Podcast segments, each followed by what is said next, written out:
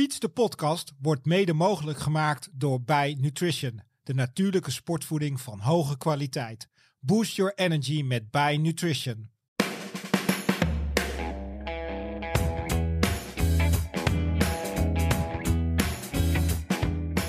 Want speelde de fiets ook een rol? Ja en nee. We hebben elkaar heel saai via een, een dating app uh, hebben we elkaar leren kennen. Maar de, om het enigszins te... dan ook allebei een, een profielfoto met fiets? Zat er, ik denk wel. Ja. Bij mij zit hij goed verstopt op, op foto 7, denk ik. Ja, bij mij zat hij ook verder, maar hij zat Ja. er wel.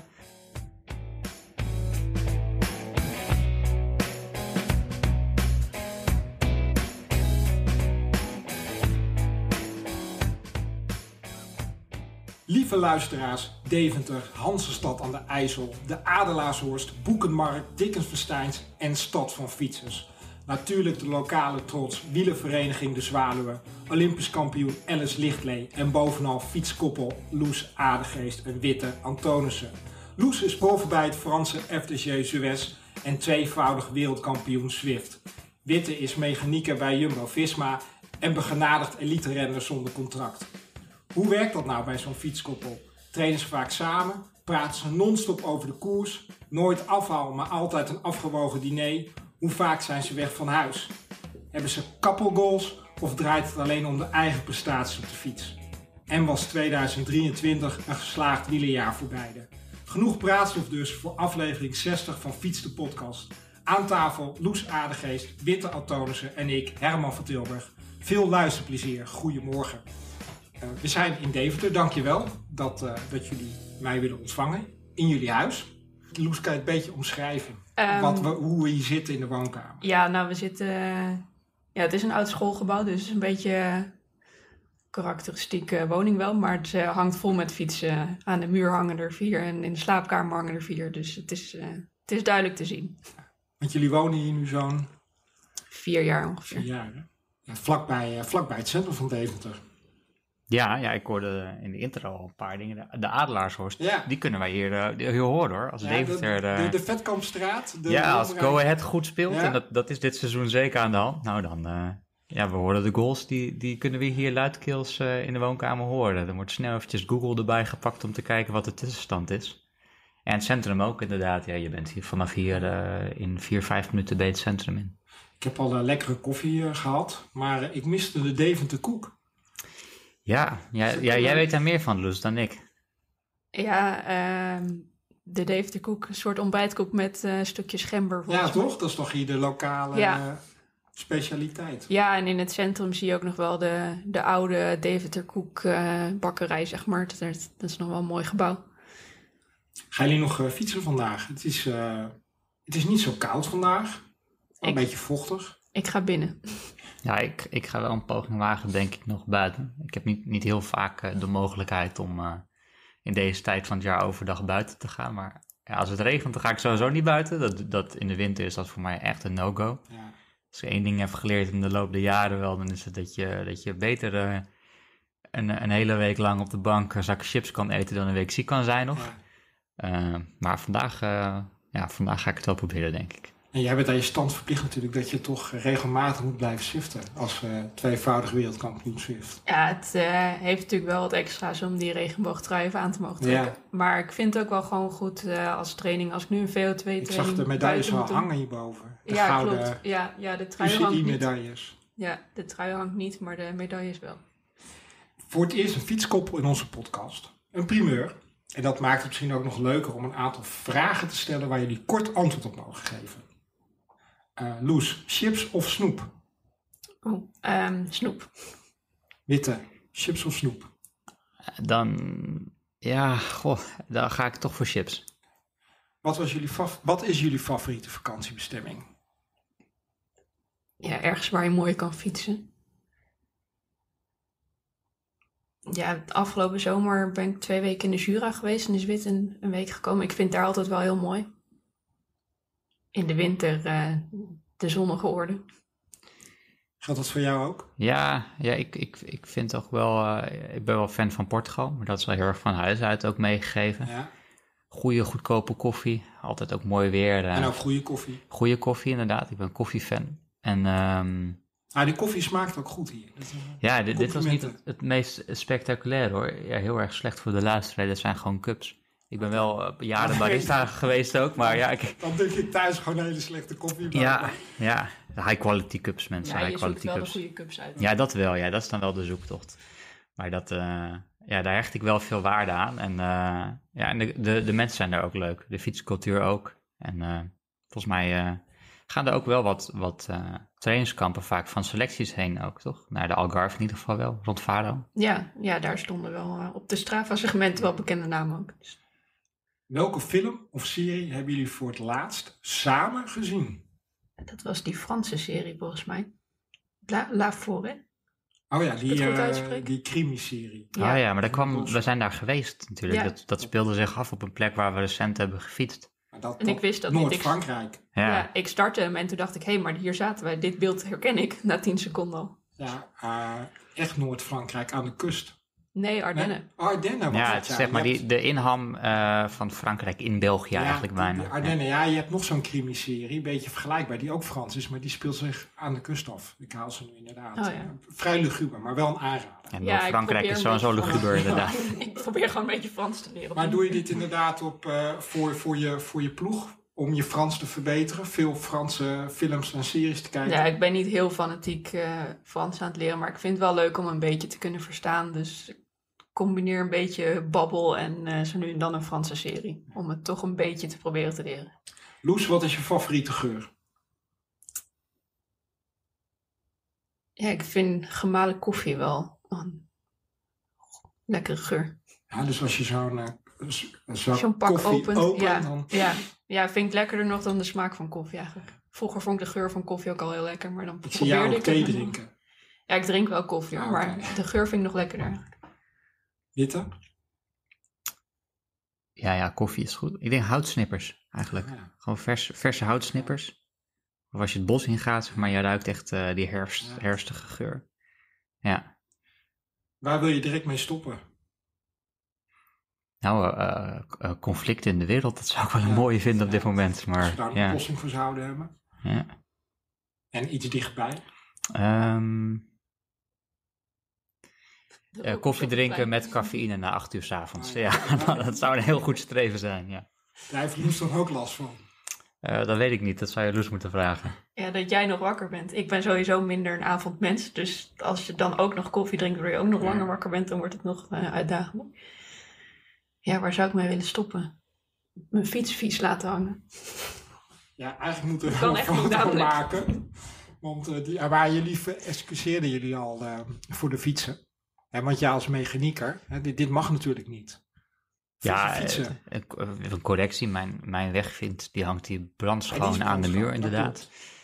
Maar ja, ik, ik eh, probeer Loes toch wel wat, wat mee te geven op dat gebied. En ik moet zeggen dat ze, dat ze wel heel begaan is met het materiaal. Ze weet veel van het materiaal. Ze maakt veel performancegerichte keuzes. Soms in overleg, vaak alleen.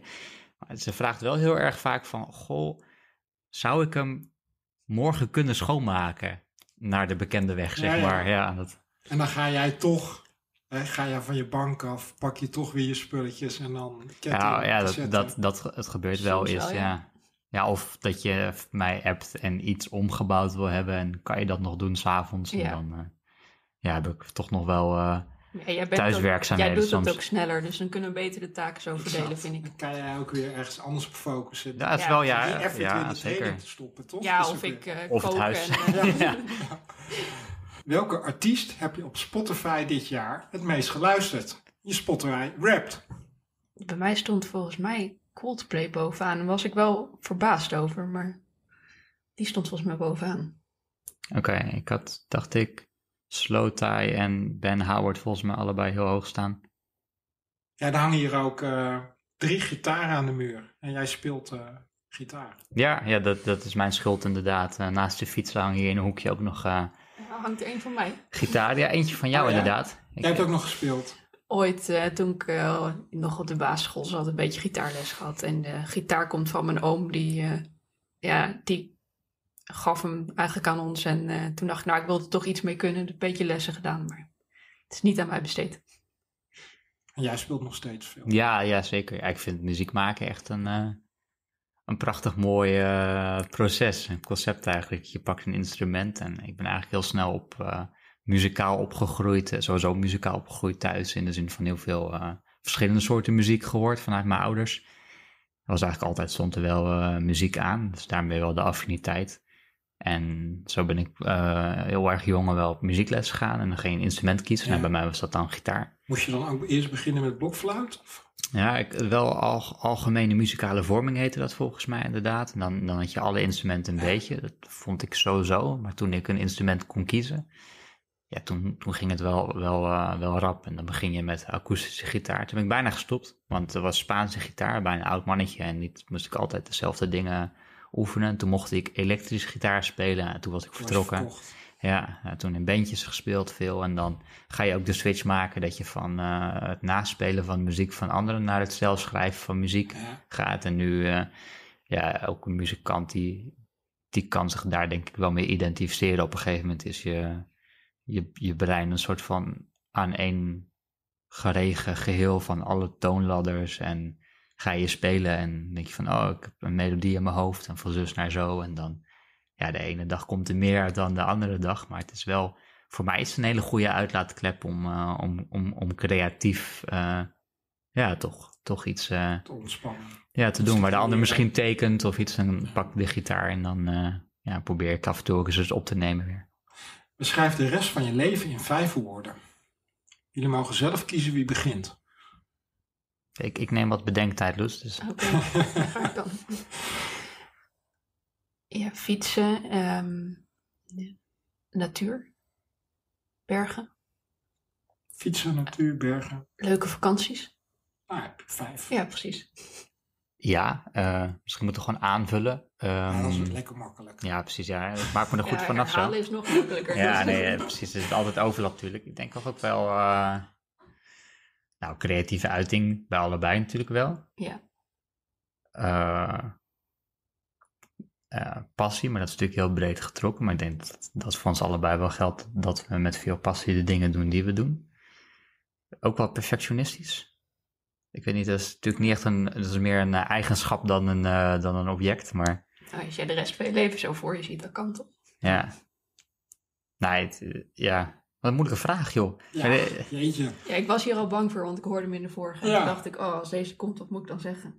Ik zal hem proberen lang maar kort te antwoorden. Het- het- voor mij geldt in ieder geval dat je zoekt naar uitdagingen in het leven waar je je instort. Nou, dat En is dat kan telkens een ander, ander eh, ehm, beroepgroep zijn of een ander onderwerp eh, bevat. Maar dat vind ik wel heel belangrijk. Dat je, ja, ik kan niet zo heel goed achterover leunen of gewoon maar iets doen. Er moet wel een bepaalde drive en idee achter zitten waar je ook echt warm voor wordt. Anders dan, dan stopt dat op een gegeven moment. En dan moet je ook durven weer te schakelen. En dat is mooi gezegd. Ik reken die goed. Hey, hoe hebben jullie elkaar leren kennen? Want speelde de fiets ook een rol? Ja en nee. We hebben elkaar heel saai via een, een dating app eh, hebben we elkaar leren kennen. Maar te- om het Hadden jullie enigszins dan te... ook allebei een, een profielfoto met fiets? Zat er, ik denk wel. Ja. Bij mij zit hij goed verstopt op, op foto 7, denk Ja, ik. bij mij zat hij ook verder, maar hij zat Ja. er wel. Want eigenlijk, ik heb altijd tegen Loes ook gezegd, mijn grootste no-go, zeg maar, of, red flag, zoals dat tegenwoordig heel modern heet, was eigenlijk dat ik geen vriendin wilde die fietste. Dat was ook gewoon het tweede wat je zei ongeveer. Ah, ja. Ja, Toen dat dacht me ik, echt ja, wat, vreselijk. wat moet ik hiermee? Ja, Maar waarom dan? ja, om, Dat komt, dat komt ergens vandaan. nou ja, ik denk, eh, je zit zelf natuurlijk helemaal in het fietsen. ja. En dan, dan weet je dat, dat is een soort vliegwiel-effect, hè. Ja. Dus je stapt er steeds moeilijker uit. En ik had ook wel heel veel andere Maar ik, zei, interesses. ik zei ook al in intro, en misschien zat ik er volledig, zit ik er volledig naast, hè? Non-stop praten over fietsen. Ja, nee, we, het is ook wel een soort time-out knopje hier bijna. Nu, zoals laatst, we, oké, we gaan nu eh kolonisten van Catan spelen. Ja. En we gaan, ik probeer altijd, ja, dat is heel basic. En dat heb ik misschien een beetje van thuis ook meegekregen. Maar het journaal aanzetten om dan toch ook actief. Bezig te zijn. Ja, dan zie je niet Ja. altijd het leukste nieuws tegenwoordig. Maar dan ben je wel, dan krijg je vanzelf gesprekken. En borduur je voort op, op wat je ziet. Ja, of Inderdaad. Of eh, dit was het nieuws, dat soort programma's om inderdaad Ja. wel een beetje een breder wereldbeeld te houden. Maar voor je vraag, ik, ik was Die zelf bezig aan een, Ja. aan een, eh, aan een bikepack eh, trip. Dat was toen, ja, bikepacken was nog niet een, eh, een groot ding. En ik dacht, nou weet je wat, ik ga eens gewoon zo ver mogelijk fietsen vanuit uh, Dordrecht destijds. Toen heel de IJssel afgefietst. En toen zat ik bij het, uh, we hebben een heel leuk stadstrand in Deventer. Ja. En daar was ik aan het lunchen en toen uh, zag je deze schoonheid inderdaad en natuurlijk gelijk voorbij komen. En ja, van het een kwam het ander. Dus als je die bikepack-trip niet had gedaan, dan had je dan, dus niet gezeten. Nee, dan nee, zaten we te ver uit elkaar om elkaar tegen te komen. Want dus, ik, ik, ik had het niet ingesteld staan op 500 kilometer, zeg maar. Nee, dat zal toch een straal van een paar kilometer geweest zijn. Dus ja, zodoende... De, de, ik moet het eigenlijk een keer langs het stadstrand om ze daar een goede fooi te geven. Want ja. uh, dat heeft me hierheen uh, gebracht. Ja. Want je had blijkbaar goede koffie en lunch daar, dat je ja, zeker, ja. lekker bleef hangen. Ja, ja ik, ik nam de tijd, ja. Dus het heeft zo moeten zijn. Ja, ik heb ook wel eens uh, ja, vriendinnen die ik dan ken uit het fietsen of zo, die dan zeggen, ja, anders hadden jullie elkaar ook wel een keer ontmoet bij het fietsen. Of, uh... Ja, dat wereldje is natuurlijk niet heel groot. Hè? Ik bedoel, jij als mechanieker bij Jumbo-Visma en jij als prof, hè? Eh, de kans dat je elkaar kan tegenkomen, maar op deze manier maakt het natuurlijk wel heel bijzonder. Ik denk niet, als ik, ik denk niet dat het dan was gebeurd, want als ik gewoon kijk naar hoe je met, met de, de koersen weg bent, natuurlijk praat je wel eens met andere renners. Ik, ik moet zeggen, en zonder deel van de relatie. Maar ik heb best wel een leuke band met ook de, de rensters bij ons in de ploeg. Maar dat komt omdat ik denk zelf één best wel uh, open ben. En ik ben natuurlijk ook Nederlands sprekend. Niet alle mechaniekers zijn Nederlands. Uh, en ik werk ook vooral heel erg veel in uh, Den Bosch de laatste jaren op de, de, service, de servicecours of, of High Performance Center. Het is een beetje verwarrend soms wat nou de, de naam is, maar het gebouw waar ze komen voor, voor ook de thuisfietsen. Dus als zij daar ja, vragen mee hebben of onderhoud nodig hebben, dan komen ze ook automatisch bij mij terecht. Maar andere ploegen, het is toch wel, je zit wel in hetzelfde hotel, maar het is best wel een, een afgesloten bubbel en wereld. Ik weet niet hoe jij dat ziet. Ook maar... bij de wedstrijden, als je hetzelfde criterium rijdt, heb je eigenlijk geen contact met elkaar verder als je, als je elkaar niet al kent, zeg maar. Maar dat was de laatste jaren juist wel heel leuk toen we al samen waren. Dan kom je er wel achter van, oh, er waren best wel, zeker het jaar voordat uh, Loes prof werd bij, uh, bij FTG dan, dan hadden we best wel vaak dat we de kalender erop nasloegen en keken van, oh kijk, hier is een, een mannen- en een vrouwencategorie na elkaar. En dan probeerden we ook hetzelfde criterium dan te rijden na elkaar naar dezelfde race. Dan kan je bij elkaar kijken. Ja. En ja, Bergrijk is denk ik wel het leukste voorbeeld. Dat ja, we... ja, vertel. Ja, daar heb ik. Uh, ik moest eerst rijden, maar we hadden de, het, het inrijden even samen gedaan. En dan kon ik achter aan uh, de bochtlijnen rijden, zeg maar. En daar gewoon op gefocust hier en daar een parkeerplekje meepakken, zeg maar, dat soort dingen. En ik uh, dacht, nou oké, dan ga ik gewoon heel hard starten. En ik rij meteen de eerste ronde al die bochten perfect. En toen waren we meteen met drie weg. Dus dat was wel dankzij, een leuk voorbeeld. Uh, dankzij het inrijden. Ja, en daarna moest je het zelf nog rijden. Ja, ik, ik, ik, kijk, ik, ik ben, ben natuurlijk niet fysiek slecht, maar um, ik ben uh, 1,74. Ik weeg tussen de uh, 64 en 67 kilo, afhankelijk van het moment van het jaar. En dan wil zeggen in Nederland zijn bijna alle wedstrijden zijn vlak. Dus je zal bijna altijd, dat telt absoluut vermogen is, gewoon leidend. Dus ja, dan moet je gaan kijken naar waar ga je de winst pakken ten opzichte van mensen die gewoon 50 watt meer uh, FTP hebben omdat ze zwaarder zijn. Ja, dat en, en aerodynamica, ja. CDA-waarde laag houden. En dat is wel, dat was ik wel vrij snel die klik gemaakt. Je kan zeg maar heel apathisch klimmer proberen worden. Maar ja, waar, je moet ook gaan vormen naar waar de wedstrijden voor zijn. Misschien komen we daar nog wel op, want die die kalender die kleedt aardig uit uh, in Nederland. Ja, dan, dan moet je gewoon gaan focussen op vlakke criteriums. En ja, toen ben ik steeds eigenlijk meer in materiaal en ook in, in, in focus de, ja, het bochtenwerk uitgekozen als een punt om, uh, om het verschil te kunnen maken. Bredere banden, tubeless, lagere bandendruk, maar ook heel bewust bezig zijn met uh, parcours, twee keer goed rijden, de lijnen zien. dat is dat perfectionisme. Ook, ja, ja misschien, misschien dat we daar dat uit. Ja. Hey, hoe ziet jullie off-season eruit? He, want jouw laatste wedstrijd was de, uh, de tijdritwedstrijd Chrono des Nations. Dat was in uh, begin oktober? Ja, half oktober. Ja. En daarvoor en daarna zaten we in Dardenne. Dus daarna hebben we nog uh, twee dagen gewoon lekker gefietst samen daar. En een soort toen... teambuilding, afscheid? Nee, met, met, oh, met, z'n tweeën. En um, ja, daar begon eigenlijk toen mijn off-season. En we zijn niet echt, uh, we zijn samen niet op vakantie geweest of zo in off-season. Dat is meer gewoon thuis. En zelf ben ik dan nog uh, een paar dagen bij mijn zusje of, uh, langs geweest, die woont in Noorwegen. Ah. En toen hebben we eigenlijk de vakantie zeg maar, uitgesteld tot het trainen weer begon. En op een mooie locatie weer begonnen. Keek je naar off-season uit? Je hebt een heel lang seizoen gehad. In januari begonnen. Ja, eh, ik keek wel uit naar even geen koersen vooral. Ik was op zich niet klaar met fietsen. Maar gewoon de twee- mindset met mentale aspecten. Ja, gewoon even, even geen wedstrijdstress, eh, geen reizen zo vaak overal heen en zo. Gewoon alleen wat je leuk vindt. Daar keek ik wel naar uit. Maar op zich, het fietsen was ik niet klaar mee of zo. Hoe gaan jullie dan in die vakantiemodus? Ja, want jullie zoeken dan ook een plek waar je kan fietsen. Niet heel verrassend, maar is er dan alweer heel veel focus? Ik denk zo, jij ervaart het anders dan ik, want voor mij is het niet echt, eh, ja, het werkt zo'n Ja, off-season en zo je- werkt je anders. Ja, precies. Dus je hebt, eh, bij mij is het meer gewoon de wedstrijden stoppen Ja. op een gegeven moment. En bij jou, je werkt echt naar het einde van zo'n seizoen toe. En dan is dat je core business en dan, dan valt ook heel eventjes alle druk en alles weg. En dan is ook de tijd om eventjes, eh, ja, wat je zei, andere dingen te doen. En ja, voor mij, als ik het op mij betrek, zeg maar, dan... ehm, Vroeger nam ik meer rust eh, van de fiets af. Maar dan, dan deed je eigenlijk vooral wat je verteld werd, om het zo maar Ja. te zeggen. Want ja, ik, ik, ik eh, fiets denk ik actief sinds mijn 22e, 21e echt eh, om, om de performance uit te halen. Daarvoor gevoelibald. En dan... Dat vind ik eh, ook heel logisch met jouw lengte. ja, nee, maar zonder grap. ik heb wel in de, in de selecties en zo Oh gespeeld. Ja, als dus ja. spelverdeler. Ja, Ja, ja, ja, ja. dat was mijn. eh, En ik moest vooral heel erg gedrild worden op het hoog springen. Want ik moest dat lengteverschil compenseren met, met de sprong uiteindelijk. Ehm, en dat is ook de reden. Ja, ik uiteindelijk eh, best wel zware enkelblessure gehad. Banden op eh, acht plekken ingescheurd eh, en de enkel gebroken.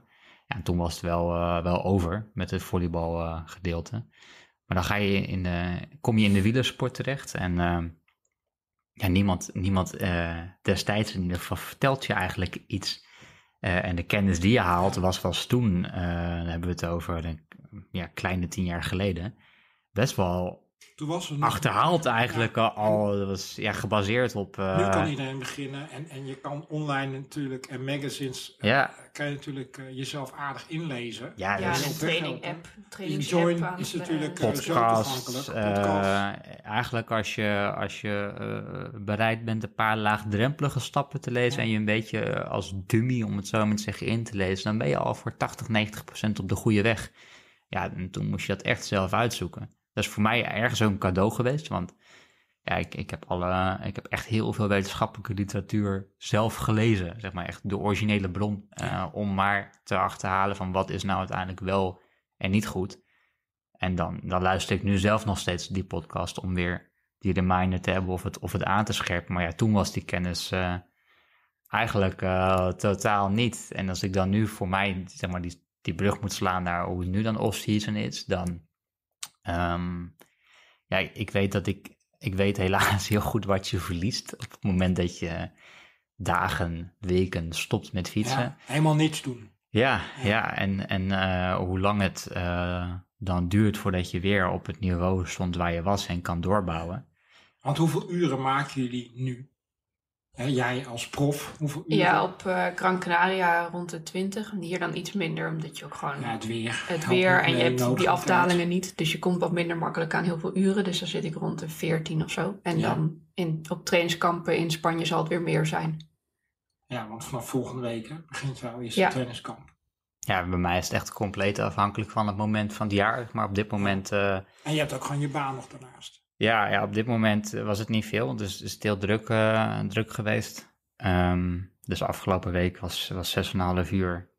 En ja, dan, dan prop je ze er heel erg vaak echt eh, tussen van half negen tot half tien op Swift. En dan zet je het al klaar en dan moet je gewoon gelijk uit je werk Ja, zeg dat- maar gaan. hè, In januari eh, hebben we een uitgebreid interview met jullie over jullie Swift Ja, gedaan. ja. Magazine van januari. Ja, Swift is de, is de reddende engel hoor. gouden tip. eh, alvast twee bidons in de koelkast klaarzetten. Ja, ja, en je hebt de entree hier gezien. Je komt, je komt het huis binnen en dan, eh, dan kom je eigenlijk in de, in de gang waar, eh, waar dan, als je afslaat, ook een slaapdeel is in de kasruimte. Ik probeer me ook vaak gelijk om te kleden, daar dat ik eigenlijk niet, niet de woonkamer inloop. En, eh, want ja, dan, ben ik, dan ga je op de bank zitten of iets en dan stopt het eigenlijk gelijk. Maar in, in het seizoen zelf weet ik nu wel dat ik, eh, ja, één, ik moet consistent zijn, dus ik moet wel die uren blijven doen. Dus eh, als je een keer de week 6, 7, 8, dat kan. Maar dan moet je wel uh, bepaalde uh, sleutelworkouts moet je gewoon doen. Zeg maar. Bij mij is dat dan vaak één keer een ja, VO2 anaerobe training ja. en twee keer een tempo threshold-achtige training. En als je die dan doet, dan kom je er wel mee weg om minder omvang te doen. Um, maar het niveau ja, waar ik nu zelf rij, ja, daar moet je wel... Want voor de, de luisteraars, hè? Elite renners zonder contract. Ja, ja, het is natuurlijk moeilijk om daar een beeld bij te, te vormen voor veel mensen. Je zit in een mix tussen uh, wat meer ervaren gasten zoals ik zelf, die, die gewoon heel veel passie hebben voor de sport en graag op hoog niveau blijven fietsen.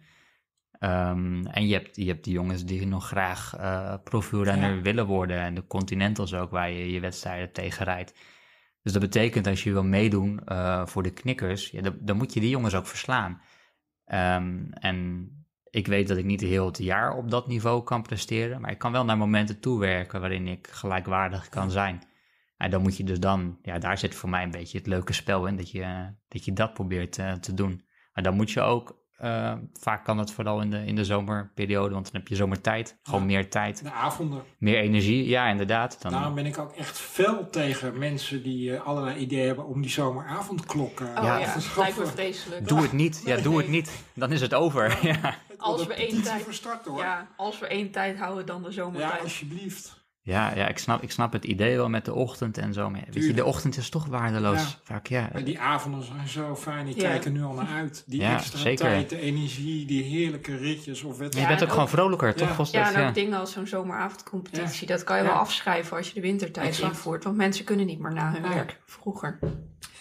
Wat zijn hier jullie favoriete trainingsrondjes? Ja, richting Postbank, denk ik. Ja? En, ja, hoe ver is dat richting de Postbank vanuit Deventer? Um, Is je dan nog goed trainings... Nou, 30 kilometer ben je ongeveer ja. bij de Postbank. Dus voor een langere duurrit kan je heel mooi... Iets minder zelfs, denk ik, zeg maar. Als ja, je de noordkant... Ja, oké. Okay. Ja, Postbank zelf. Ja.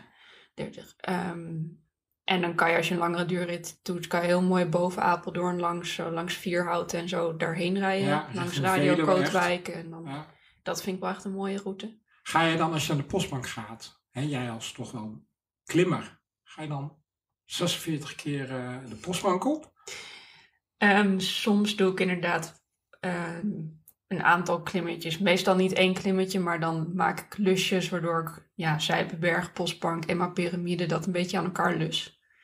Of ik ga naar de Holteberg en dan kan je die ja. gewoon, uh, daar is een heel mooi rondje van 3,5 kilometer. Ja, er ligt daar, dat is mijn favoriete driehoek. Ja. Die heb ik helemaal uitgespeeld zelf. Ja.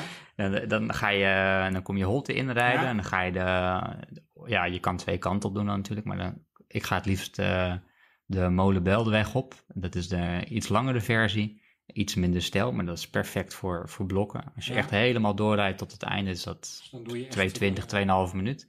En dan kan je naar beneden via de steile klim de, de motieweg. En dat rondje in zijn geheel is, Ja, 3,5 kilometer. ja, zoiets. mij.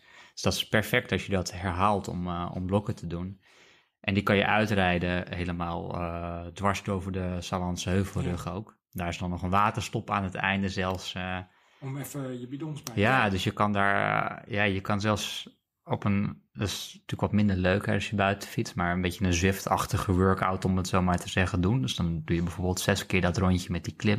Nou, dan kan je die vervolgens gewoon die toeristenweg afrijden over dat natuurgebied af, waar ook nog allemaal hoogteverschil Ja. is. Bidonstop of een keertje een koffietje en dan, ja, dat is, maakt het trainen zoveel, eh, zoveel makkelijker. En we gaan even naar onze commercial. Voor je boost voor, tijdens en na het fietsen heeft partner bij Nutrition een Fiets de Podcast sportvoedingspakket samengesteld. Je kan deze aanschaffen voor 35 euro met een waarde van maar liefst 61 euro. Je krijgt een box vol met repen, gel, sportdrank en diverse shots. Ga naar bij.nl slash fiets of check de link in onze show notes. En gebruik de code podcast. hey, die wielenpassie hè. Eh, Loes, jij bent begonnen met schaatsen. Ja, klopt. Toen ik eh, zes jaar oud was. En ik wilde eigenlijk helemaal niet per se schaatsen. Maar je moest. Nou, ik wilde graag eh, atletiek, hardlopen. Mijn vader liep en eh, ik liep wel eens een rondje met hem mee. En ik deed een keer zo'n wedstrijdje in Dalfsen. Een loop na twee kilometer, geloof ik. En ik wilde dat eigenlijk doen, maar dat zat in Zwolle en we woonden in Dalfsen. Ja. En eh, ja, dan moesten mijn ouders elke keer naar Zwolle. Was wel makkelijk als ik gewoon in Dalfsen iets ging doen. En de ijsclub organiseert die hardloopwedstrijd. Dus zo kwam ik eigenlijk ja, een beetje bij de ijsclub terecht. daar de droogtrainingen dus ook met lopen gedaan. Maar ja, toen kwam de winter eraan en toen... Maar eh, Herbert Wennemars sprak niet tot de verbeelding. Nee, niet direct, nee. Ehm, niet dat ik een hardloop-idool had of Ja. zo hoor. Ik wilde gewoon graag lopen. Ja. Maar toen toch, toen de winter eraan kwam, eh, op vrijdagavond in de bus naar de ijsbaan gestapt. Want eh, dan reed van de, van de club elke vrijdag een bus heen en weer. En zo is het schaatsen begonnen. En je had blijkbaar talent. Ja, blijkbaar. En ik eh, was wel fanatiek. Dus ik denk dat daar ook een heel groot deel zit. Wat, wat waren jouw favoriete afstanden? 1500 meter toch wel. Ja, dat is eigenlijk een hele moeilijke afstand. Ja, gewoon vol, vol, vol, Ja. vol de verzuring in, zeg maar. Ja, Gewoon hard starten en dan eh, ja, echt eh, volle bak die verzuring in. Dat vond ik wel eh, echt een mooie afstand. Dat je daar het laatste rondje nog echt doorheen moet zien te duwen en toch je techniek behouden. Want schaatsen is natuurlijk heel technisch. En ja, dan komt op een gegeven moment die fiets in beeld. En ik heb ergens gelezen, tenminste dat is de conclusie die ik dan trek, dat jij best goed bent in bedelen, in blijven zeuren. Die racefiets. Ja, maar hij is er niet gekomen door een dorm te krijgen. Nee, maar, Nee, die, ik, ehm, maar ergens je zinnen opzetten, want uiteindelijk leefde je dat ook later, hè, toen dat, dat contract op. ja, ik wilde heel graag een racefiets. Ik had gewoon die ik had gewoon een racefiets ooit gezien en ik dacht, ja, dat vind ik vet, dat wil ik. En ik keek wel eens cross op tv, Ja. kan ik me nog herinneren. Marianne Vos kwam toen net op. En ik vond het gewoon vet om te zien en ik wilde dat ook. Dus ik vroeg elk, ja, stevast voor mijn verjaardag een racefiets. En dan voegde ik aan mijn verlanglijst nog maar wat andere dingen toe, omdat Ja. ik al wist dat ik die fiets niet ging krijgen. Maar ik zette hem er toch maar elke keer op. En eh, ja, uiteraard kreeg ik hem niet, want het was veel te duur. Maar op een gegeven moment, toen eh, ging ik naar de middelbare school en toen kreeg ik kleedgeld. En toen zei ik van ja, als ik nou dat bij elkaar spaar en de helft betaal, willen jullie dan de andere helft van die fiets betalen? En eh, nou, zo kwam ik aan mijn eerste fiets eigenlijk. Weet je nog wat voor fiets dat was? Ja, een eh, Cube Peloton. En toen begon het, begon het fietsen ook. Ja, want toen wilde ik een beetje trainen met leeftijdsgenoten. En niet eens met het idee om wedstrijd te rijden. Het was echt in functie van het schaatsen. Maar toen kwam ik bij de Hanse-renners bij de jeugdtrainingen. En ja, eigenlijk na drie trainingen zei ze... Ja, wil je niet ook een wedstrijd rijden? Er is een zomeravondcompetitie in Zwolle. Ja, Ja, waarom niet? Het is in Zwolle. En toen reed ik meteen podium en toen had ik de smaak te pakken. En, en weet je nog hoe dat voor het eerst ging? Hè? Je kunnen handhaven in een, in een peloton. En, Ja, die pelotons zijn natuurlijk heel klein eigenlijk daar nog bij de Ja. jeugd. Want dan heb je het echt over jeugdcategorie 5. Dat rijdt allemaal nog heel ver uit elkaar. Dus het voelt misschien dan als een peloton. Maar als ik nu op terugkijk, ja, was gewoon zo hard mogelijk fietsen. Die wedstrijden zijn natuurlijk heel kort ook. had je ook voordeel van, van jouw duurvermogen van het schaatsen? Ja, En, zeker. ex- en de explosiviteit. Ja, zeker. Ik was wel gewoon goed getraind. Ik vond het vanaf het begin wel heel leuk om die koersen te rijden. En het ging me ook makkelijk af. En zeker ook de tijdritten. Maar ik vond het eigenlijk wel heel lang gewoon een mooie, mooie optie om op die manier het hele jaar competitie te hebben. En ja, dan combineert het vrij makkelijk met het schaatsen. Kijk, je moet toch fietsen als Ja. training. En het wisselt elkaar heel mooi af in de seizoenen. En ik vond gewoon de competitie heel leuk. En ik vond het eigenlijk maar saai om in de hele zomer alleen maar te trainen. En pas toen schaatsen echt serieuzer werd, eh, toen ik in Jong Oranje kwam, toen Ja. kwam dat fietsen voor het eerst eigenlijk een beetje in, in, de, ja, in de drang van, ja, dat wordt mo- moeilijker erin te passen. Toen heb ik dat weer wat minder gedaan. Wat En- was toen jouw eh, ambitie met schaatsen? Ja, ik had eigenlijk al best wel jong het idee van, nou, ik wil naar Jong Oranje. Ja, En dus toen die uitnodiging kwam, was er ook geen moment van twijfel. Maar eigenlijk is in Jong Oranje het plezier in het schaatsen wel wat afgenomen. Het was ook het laatste jaar dat Jong Oranje bestond. En dat kon je eigenlijk al aan alles merken. En ja, toen ben ik nog wel één jaar bij de regio-selectie weer verder gegaan. Maar de echte droom om naar, de Olympische Spelen te gaan met schaatsen, die er ooit was, zeg maar, die nam eigenlijk een beetje afval. En het fietsen werd steeds leuker. Dus ooit was het wel mijn droom om eh, ja, Irene Wust achterna te Ja. gaan, zeg maar. En eh, had ik al uitgerekend hoe oud ik was bij welke spelen, zeg maar. Dat soort dingen. Maar dat werd wel wat minder toen ik een jaar of 18 was. van de zomer hè? Zijn ook Olympische Spelen. Ja, dat klopt. De plekjes zijn schaars. Ja, Ja, Nou ja, lang de tijd. ik denk dat het eh, een half seizoentje is voordat je je wel Ja, bewezen moet ja. hebben. Maar ja, wie weet. Ja, de concurrentie is natuurlijk groot. En dan kom je bij eh, uiteindelijk hè, van elite zonder contract. Parkhotel. Eh, dan krijg je corona. Een lastige tijd voor heel veel renners. Eh, überhaupt ook voor de, voor de niet-profs. Hoe hebben jullie daar toen mee gedeeld? Ja, eigenlijk juist voor de niet-profs was er niks. Want op een gegeven moment mochten de profs wel een NK rijden en zo. Maar ja, ik mocht het NK tijdrijden dan meedoen. Maar de NK weg niet. En dan word je achter op de NK tijdrijden. En ja, ik wist gewoon dat ik op dat parcours van het NK weg op de Valmberg ook goed zou zijn. Maar ik mocht niet starten. En dat ja, wrong wel een beetje, zeg maar. Ehm, en ja, ik heb zes koersen gereden dat hele jaar bijvoorbeeld. En dat schiet niet op. Nee.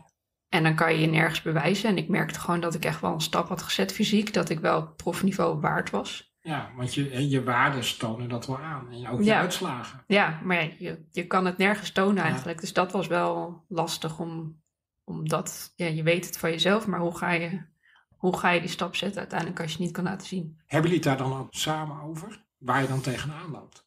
Maar- Ja, dat, dat was wel een frustrerende fase, denk ik. Ehm, voor jou was het denk ik tweedelig. Aan de ene kant heb je op dat moment eh, weinig tot geen wedstrijden. En aan de andere kant liep jij een beetje tegen eh, een soort, eh, nou ja, gla- glazen plafond is het niet, een betonnen muur aan, zeg maar, dat, dat er een hele grote scheiding was, is tussen eh, prof en, en niet-prof. Bij de, bij de dames zeker. En daar bedoel ik mee dat, dat de nieuwe plekken werden op dat moment altijd steenvast gevuld met mensen die al in het profcircuit zaten. Ja. En dan zag Die je dat. kennen. Ja, precies. Gewoon gescout. En ik had het idee dat gewoon heel vaak eh, het niet heel veel verder ging dan dat eh Pro Cycling Stads werd geopend en wie is er vrij voor volgend jaar. Of eh, wie is Of een, die. goede, of een goede zaakwaarnemer. Ja, Ja. bijvoorbeeld, nou, dat is uiteindelijk, dat, ja, is voor jou ook wel eh, eh, deels de redding geweest. Maar dan zie je dus dat, ja, er was in ieder geval een tijd, laat ik het zo zeggen, heel recent eh, geleden, dat, dat de onderste 25% eh was zo uitwisselbaar eh, met, met de bovenste 25% van de niet-pros. Alleen, Ja. ja. je kwam niet in dat circuit terecht. En ik merkte wel aan jou dat, dat het voor jou wel moeilijk was. Alleen ja, dan is de kunst van, ja, vind ik in ieder geval, probeer wel positief te blijven en probeer te kijken naar wat je wel kan doen en hoe je wel een stempel kan drukken. En probeer een weg voor jezelf te vinden. En ja, toen was eigenlijk...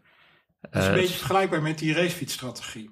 Ja, misschien Hè? wel een beetje. En ja, want waar ik ook gewoon tegenaan liep, was dat ik in het clubpeloton eigenlijk gewoon de wedstrijden weer minder leuk begon te vinden. Omdat ik alles kon doen wat ik wilde. En ik kon ook elke fout maken die ik wilde, want ik kwam er wel mee weg. Zo. Ja. Er zat gewoon geen uitdaging meer in. maar Maar het het werd Zwift... niet eh, gezien. Nee, en toen heb ik één UCI-koers kunnen rijden. En toen heb ik me daar gewoon heel goed op voorbereid. En was ik echt gebrand om daar goed te rijden.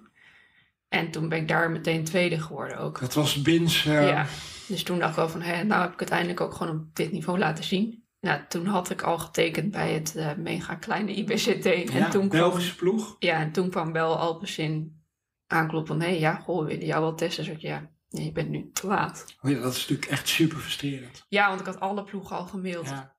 En dan beetje hetzelfde als Bart Lemme, hè, die dat toen ook, eh, voordat hij eh, bij eh, Ja, Human Power Health kwam, Ja. die zat ook in onze podcast. Ja. Die heeft toen ook een hele hoop ploegen zelf benaderd. ja, ik heb alles gemaild en overal kreeg ik een nee. En eh, dan kreeg ik ook dingen als, we zoeken jouw type renster niet. Toen zei ik, ja, wat zoek je dan? Want eigenlijk ben ik allround. Dus alleen als je, een, als je een pure sprinter zoekt, moet je me niet hebben. Ja.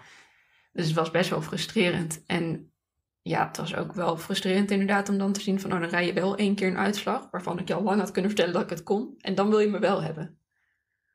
Is dat nu wel verbeterd? Ik bedoel, het vrouwenwielrennen is, eh, is echt veel verder geprof- geprofessionaliseerd in de afgelopen jaren. Echt grote stappen gemaakt. Zie je nou ook wel dat, dat de ploegen daarin zijn meegegooid in... Ja en nee, ik denk dat het elk jaar een stapje beter wordt. Maar ik denk dat er nog wel beter gescout kan worden. Objectiever. Ja, ook wat jij net eigenlijk schetst. Ja, ik denk wel dat er eh, veel minder te scouten is. Want de omvang van het aantal pros bij de dames is gewoon veel groter Ja. geworden. Je hebt veel meer teams. Dus veel meer mensen die eh, potentieel, eigenlijk is het nu bijna andersom. Veel meer mensen die de potentie zouden hebben om prof te zijn, zijn prof geworden. Sterker nog, ik denk dat er nu ook heel veel mensen misschien prof zijn geworden. Ja, die, die eh, nog moeten groeien Ja. in dat niveau. En niet alleen fysiek, maar vooral qua vaardigheidsniveau is dat Dus echt de wel een ding. dat vraagt Ja. wel aandacht. Ja, Ja. heel erg. En die bovenkant is natuurlijk hartstikke sterk. Ja, ik denk dat er veel ook uit andere sporten zijn gekomen... die inderdaad het fysiek hebben, maar nog echt moeten leren. Ja, en als ik kijk naar vanuit de structuur binnen in profteam zelf, dat krijgen we allebei wel mee, is daar eigenlijk ja, weinig, weinig aandacht voor. Uh, dat heeft dan toch denk ik te maken met dat, dat profteams daar niet de focus willen leggen op uh, bijvoorbeeld het accepteren dat je misschien iemand in huis hebt die heel sterk is op, op fysieke waardes, maar wel moeite heeft met uh, hoe werkt het om naar de auto te gaan, hoe pak ik meer dan één bidon of überhaupt ja. een bidon, een tasje, hoe maak ik een wedstrijd af? En zo zie je nog wel eens lullige situaties op het allerhoogste niveau nu. En dat is wel, denk ik, dat je als ploeg heel veel kan winnen door gewoon eerlijk te zijn en, en een soort inventarisatie te doen van oké, wat waar Wat liggen... heeft ieder renner specifiek nodig? Ja, en Ja, eigenlijk precies. gewoon de... Ik heb dan bij de Hanse renners de jeugdtrainingen gedaan, waar je gewoon ook vaardigheid leert en gewoon met, op een spelende manier. En ik denk Ja, dat... dus je hebt al een stuk basis meegekregen. Ja, maar ik denk dat die training heel belangrijk is om wel voor iedereen aan te bieden. Dus als iemand laat is begonnen met fietsen, om dan toch wel ja, de jeugdtraining zeg maar, wel aan te bieden. En het is, geen, eh, het is geen man-vrouw ding. hè. Alleen Nee. bij de mannen zie je het veel minder. Want bij de mannen is die, die piramide om tot de profs te komen is veel verder gevuld. Kijk, onder, je hebt overal in steeds een niveau eronder. Staan er weer honderden mensen te Exact. trappelen om door te ja, we hadden het al net even voordat we eh, begonnen met de podcast. Het niveau, ook eh eh, zomeravondcompetitie, ligt ook al redelijk hoog. Ja, Hè, dat maakt het soms ook wel lastiger als je wil beginnen met wedstrijden. Dan is die stap. ja, ja, ja op, op elk niveau. Alleen ja, bij de mannen, zie je ziet het wel ook hoor. Want bijvoorbeeld een Evenepoel, die is fysiek zo sterk en zo snel gekomen. Alleen je ziet gewoon dat hij fouten maakt in, in tactische keuzes, in sturen, in afdalingen. Het wordt beter, maar je ziet het gelijk. Gewoon ten opzichte van de omgeving waar hij zit. Ja, en de een heeft er ook weer wat meer talent in dan de ander natuurlijk. Dat speelt dan ook een factor. Maar inderdaad, daarop in te zoomen. En hoe kan je dan een renner ook specifiek helpen? Ja. Hè, daar valt natuurlijk veel winst te halen. Ja, Zeker ik ook als, als, als je uit andere sporten komt. Bij veel, bij Ja. veel dames, wat je Ja. net schetst. Ja, Ik denk dat daar een enorme, enorme groeimarge zit bij veel ploegen. Door Ja, dat want gewoon... Ik heb eh, twee jaar geleden één keer een jeugdtraining hier toevallig meegedaan. Ik kwam op het baantje en ze waren bezig. Ik dacht, oh, ik doe wel mee, Ja. lachen. En toen dacht ik, ja shit, dit is eigenlijk wel goed om te doen. Want ik was er eigenlijk best wel slecht in, kwam ik toen achter. Gewoon dingen als tikkertje spelen Ja, op de fiets in een die behendigheid. Ja, dat ik dacht, oh, dit Ja. verleer je ook wel na een tijdje. En eigenlijk is het wel goed. Eigenlijk zou ik dit gewoon een paar keer moeten doen. En dan komt het grote Franse FDG Suez. Mede dankzij Swift. Ja en nee. Ehm, als ik het goed begrijp vanuit de ploeg, dan is eigenlijk de wedstrijd waar ik het meest opviel voor hen eh, het Brabants spel geweest. Ja, En niet zozeer het Zwiften, maar ik heb ook wel de hulp gehad van ehm, mijn eh, manager Lars, Lars van den Broek.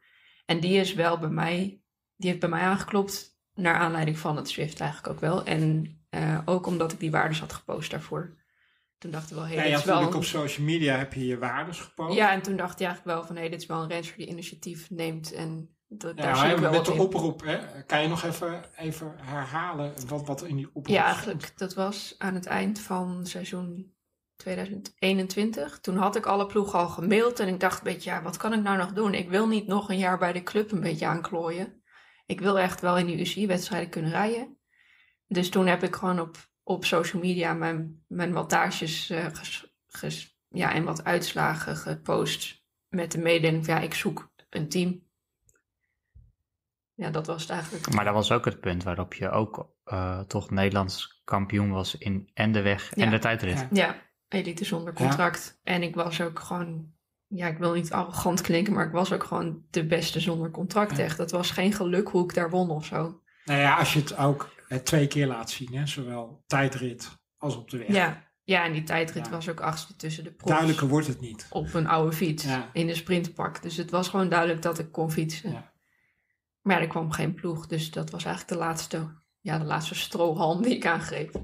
Voor de context misschien ook wel goed. Het ging dan niet om een World Tour ploeg zoeken of zo. Het ging gewoon om een Continental team zoeken van het niveau, desnoods Park Hotel of Crush. uit een ander land, Ja. ja. Want ik heb Crush op een gegeven moment zelf nog bijvoorbeeld bericht. Nee, we zitten vol. Dacht ik, ja, als ik zelfs hier niet aan de bak kom, waar, waar kan het dan nog wel? Ik dacht, ik ben meteen, als je me neemt, de beste in je team. Waarom, neem, waarom mag ik niet komen? Maar het lukt je dan wel, hè, want je kan bij de pakken gaan neerzitten. Maar jij knokt je dan wel door die misère heen. En dan te kiezen voor zo'n ludieke actie. Ja, en uiteindelijk eh, ja, heeft dat me dan toch het contract bij IBCT opgeleverd. Wat gewoon eigenlijk een clubploeg was, Ja. maar met een UCI-licentie. Dus je kreeg, ja, eh, één goede fiets en eh, één afgerachte en geen loon. Maar ja, het ging er mij vooral omdat ik gewoon mocht draaien. starten. Dus ik kon starten in Dwars door Vlaanderen en Brabant Spel. En daar kon ik me dan eindelijk tonen. En dat heeft uiteindelijk wel de doorslag gegeven dat ik uiteindelijk wel naar een ploeg kon. Ja. Het is misschien wel goed om er nog even voor de luisteraar. Het klinkt allemaal heel dramatisch, zeg maar. Maar eh, het bestaan van die teams als IBCT is uiteindelijk blijkt wel heel belangrijk. Want zonder dat team was je er niet, niet geweest. Kijk, Nee, maar De dat ook omkadering met- was dat slecht ook natuurlijk, met, maar- eh, niet, met niet opgeven. ja, Want je kan ook bedenken, nou ja, ik zie het wel. En jij kiest ervoor om ehm, hè, de publiciteit op te zoeken. En dat levert dan een contract op bij een Belgische ploeg. Waar je een programma kan, kan Ja, en dat laatste is en het hem. jezelf Ja. in de Ja. picture. Ja, want Ja. het ging er mij vooral om dat ik startrecht had, zeg Ja. maar. Dat ik ergens kon koersen. Dat was gewoon het allerbelangrijkste. Dan kom je bij de Fransen. Hoe is dat? Heel fijn eigenlijk. Ik had, ehm, ja, ik had met Lars erover gehad welke ploeg ik heen zou willen. En FTC stond eigenlijk bovenaan. En waarom? Ehm, ze hadden dat jaar echt wel een opvallende, aanvallende manier van koersen, wat me heel erg aansprak. En ik had ook wel het idee van, nou, ik denk dat ik daar ook nog wel wat eigen kansen krijg vrij snel. En ik wilde niet bij een Nederlandse ploeg. Dus ja, dat, dat zo kwam benieuwd natuurlijk. Hè? Dus ik eh, waarom wil je niet bij een Nederlandse ploeg? Want we hebben natuurlijk eh, Jumbo-Visma, eh, Ja, Jumbo en eh, DSM, DSM. dat is allemaal wel heel erg op de protocollen, zeg maar. Ehm, dat trok me totaal niet. En ik vind het ook leuk om in een internationale omgeving te zitten. Meerdere culturen en niet dat alles zeg maar in het Nederlands gaat. En eigenlijk was mijn eerste gesprek meteen heel goed met FTC. En ja, de sfeer in de ploeg, vind, dat trekt me wel heel erg. Het is best wel familiair en je, er is heel veel ruimte om zelf na te denken en zelf met initiatieven te komen. En dat spreekt me wel echt aan. Ja, want ze hebben een mannenploeg en een vrouwenploeg. Ja, nee. gescheiden. Eh, het is helemaal gescheiden. FTC Ja. sponsort beide ploegen. Maar het is verder totaal een andere ploeg.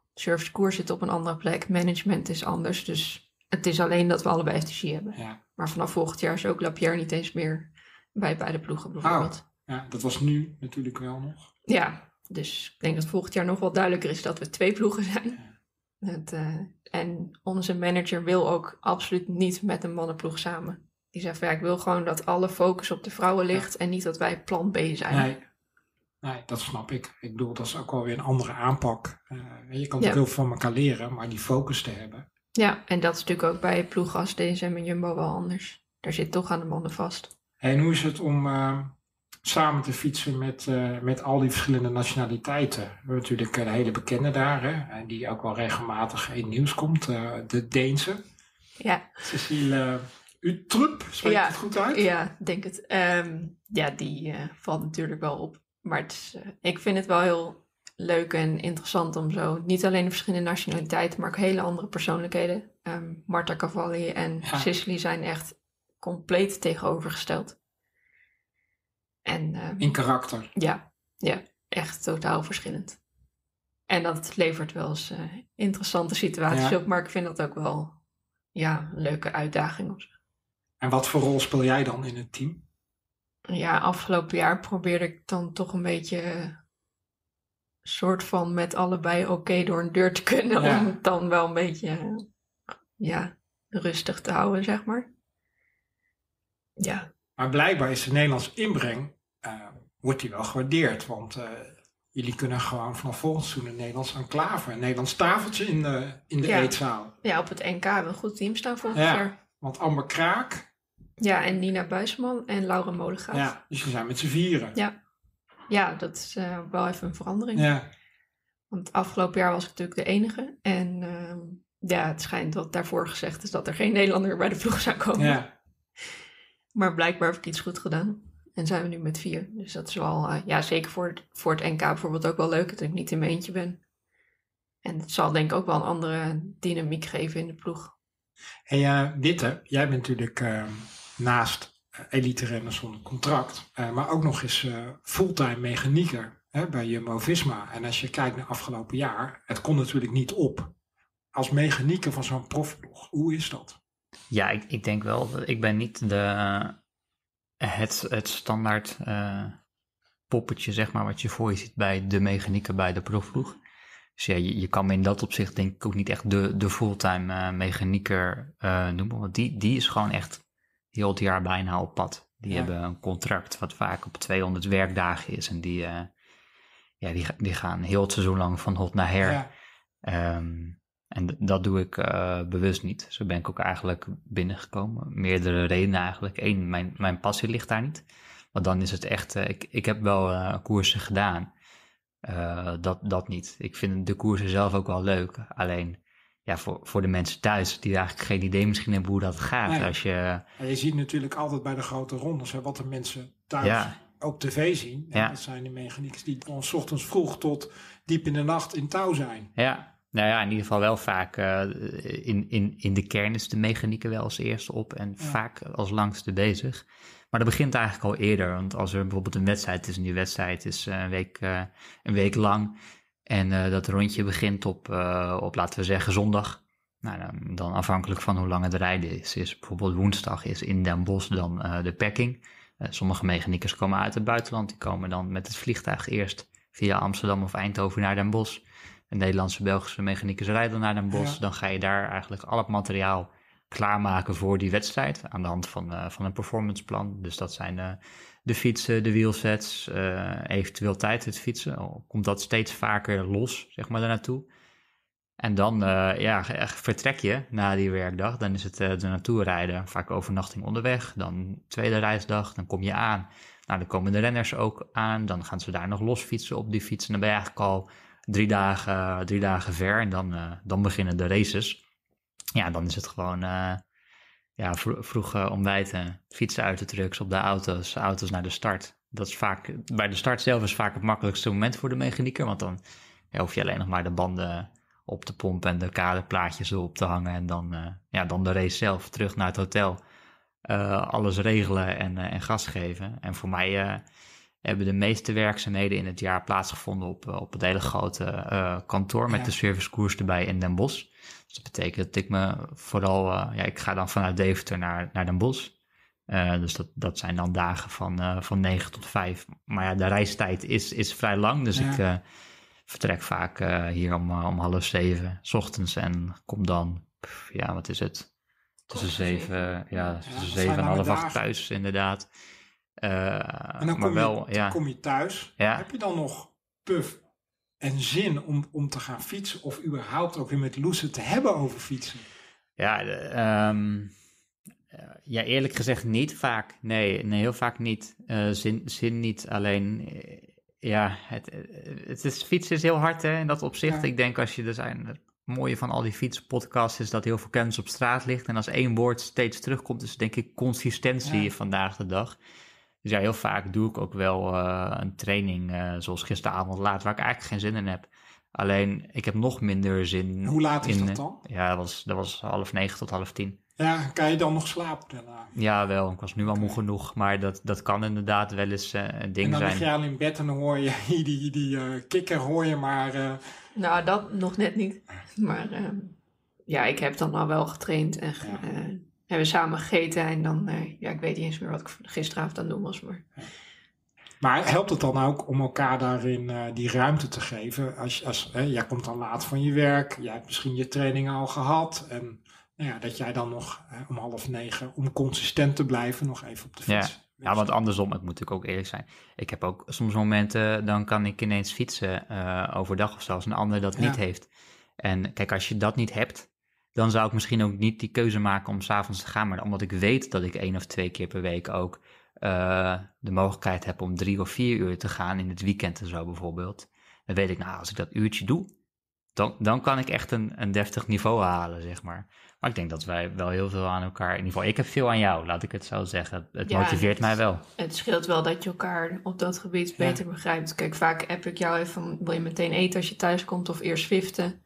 Dan weet ik dat ook en dan speel ik daarop in. En op zo'n dag dat jij vrij bent, dan fietsen we wel vaak samen ook. Ja. Wat is jullie favoriete training dan, samen?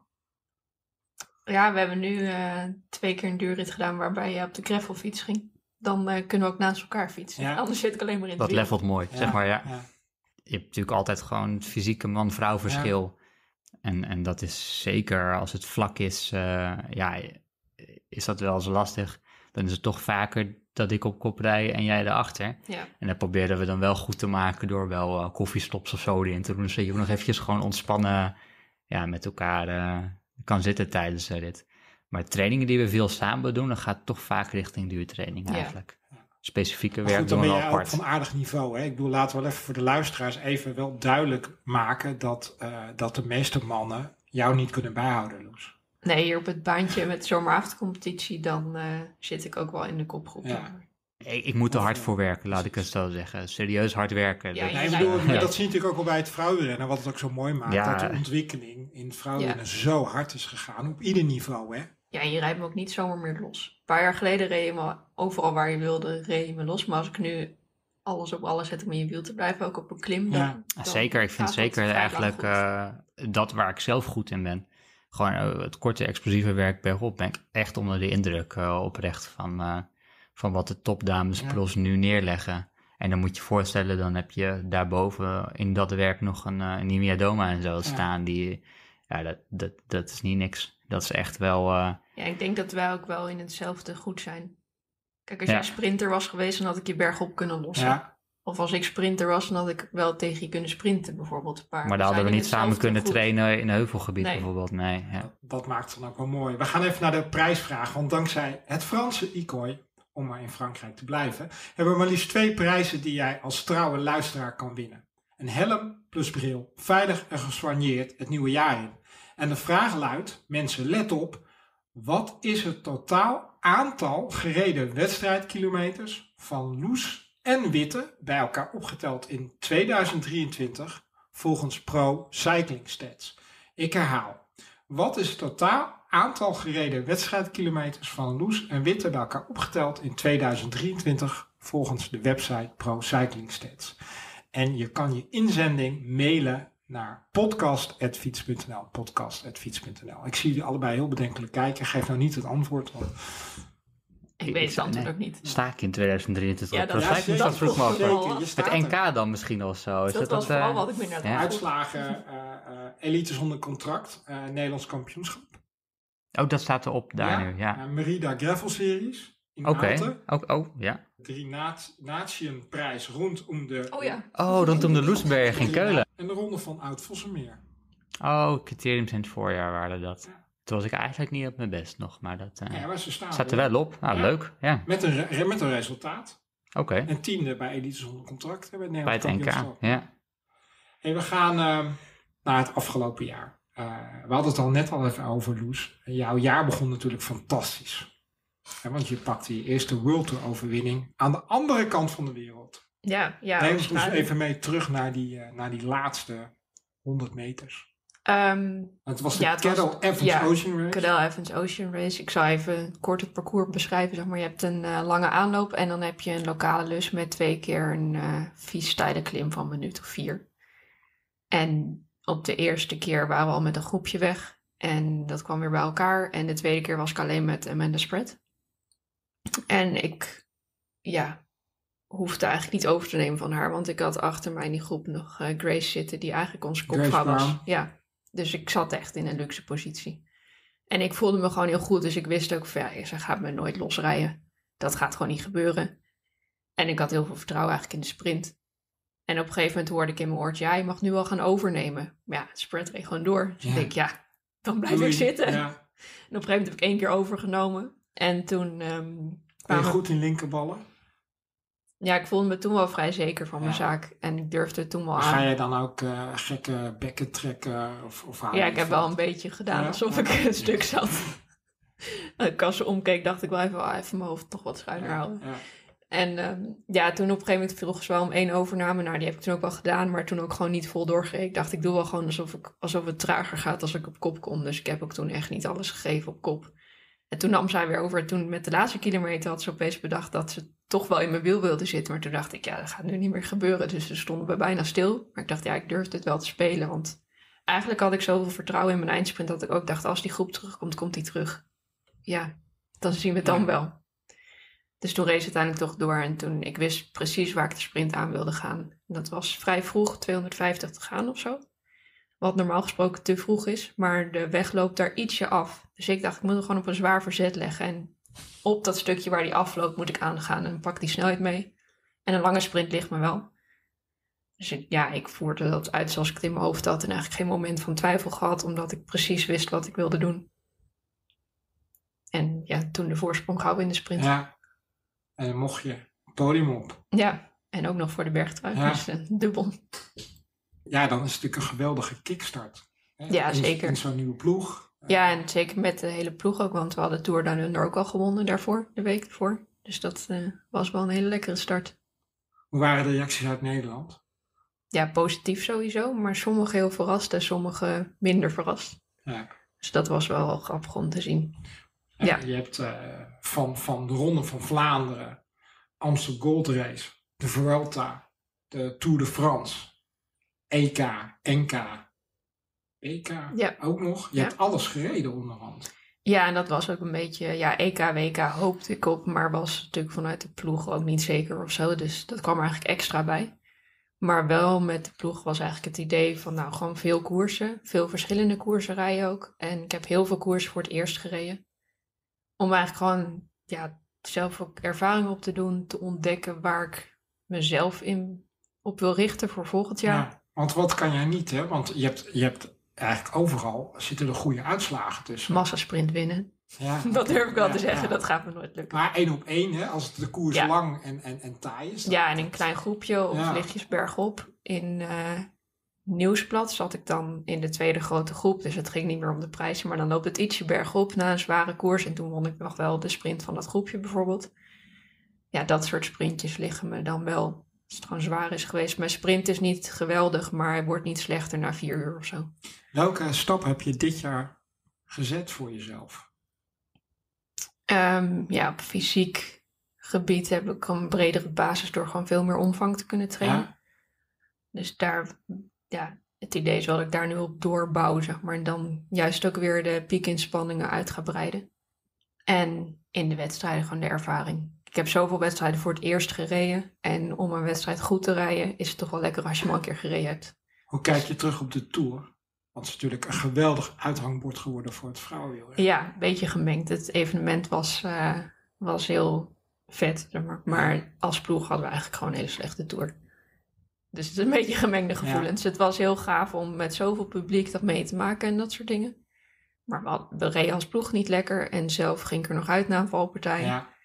Vandaar ook je DNF hè, in de laatste Ja. etappe. ja, ik keek heel erg uit naar de tijdrit.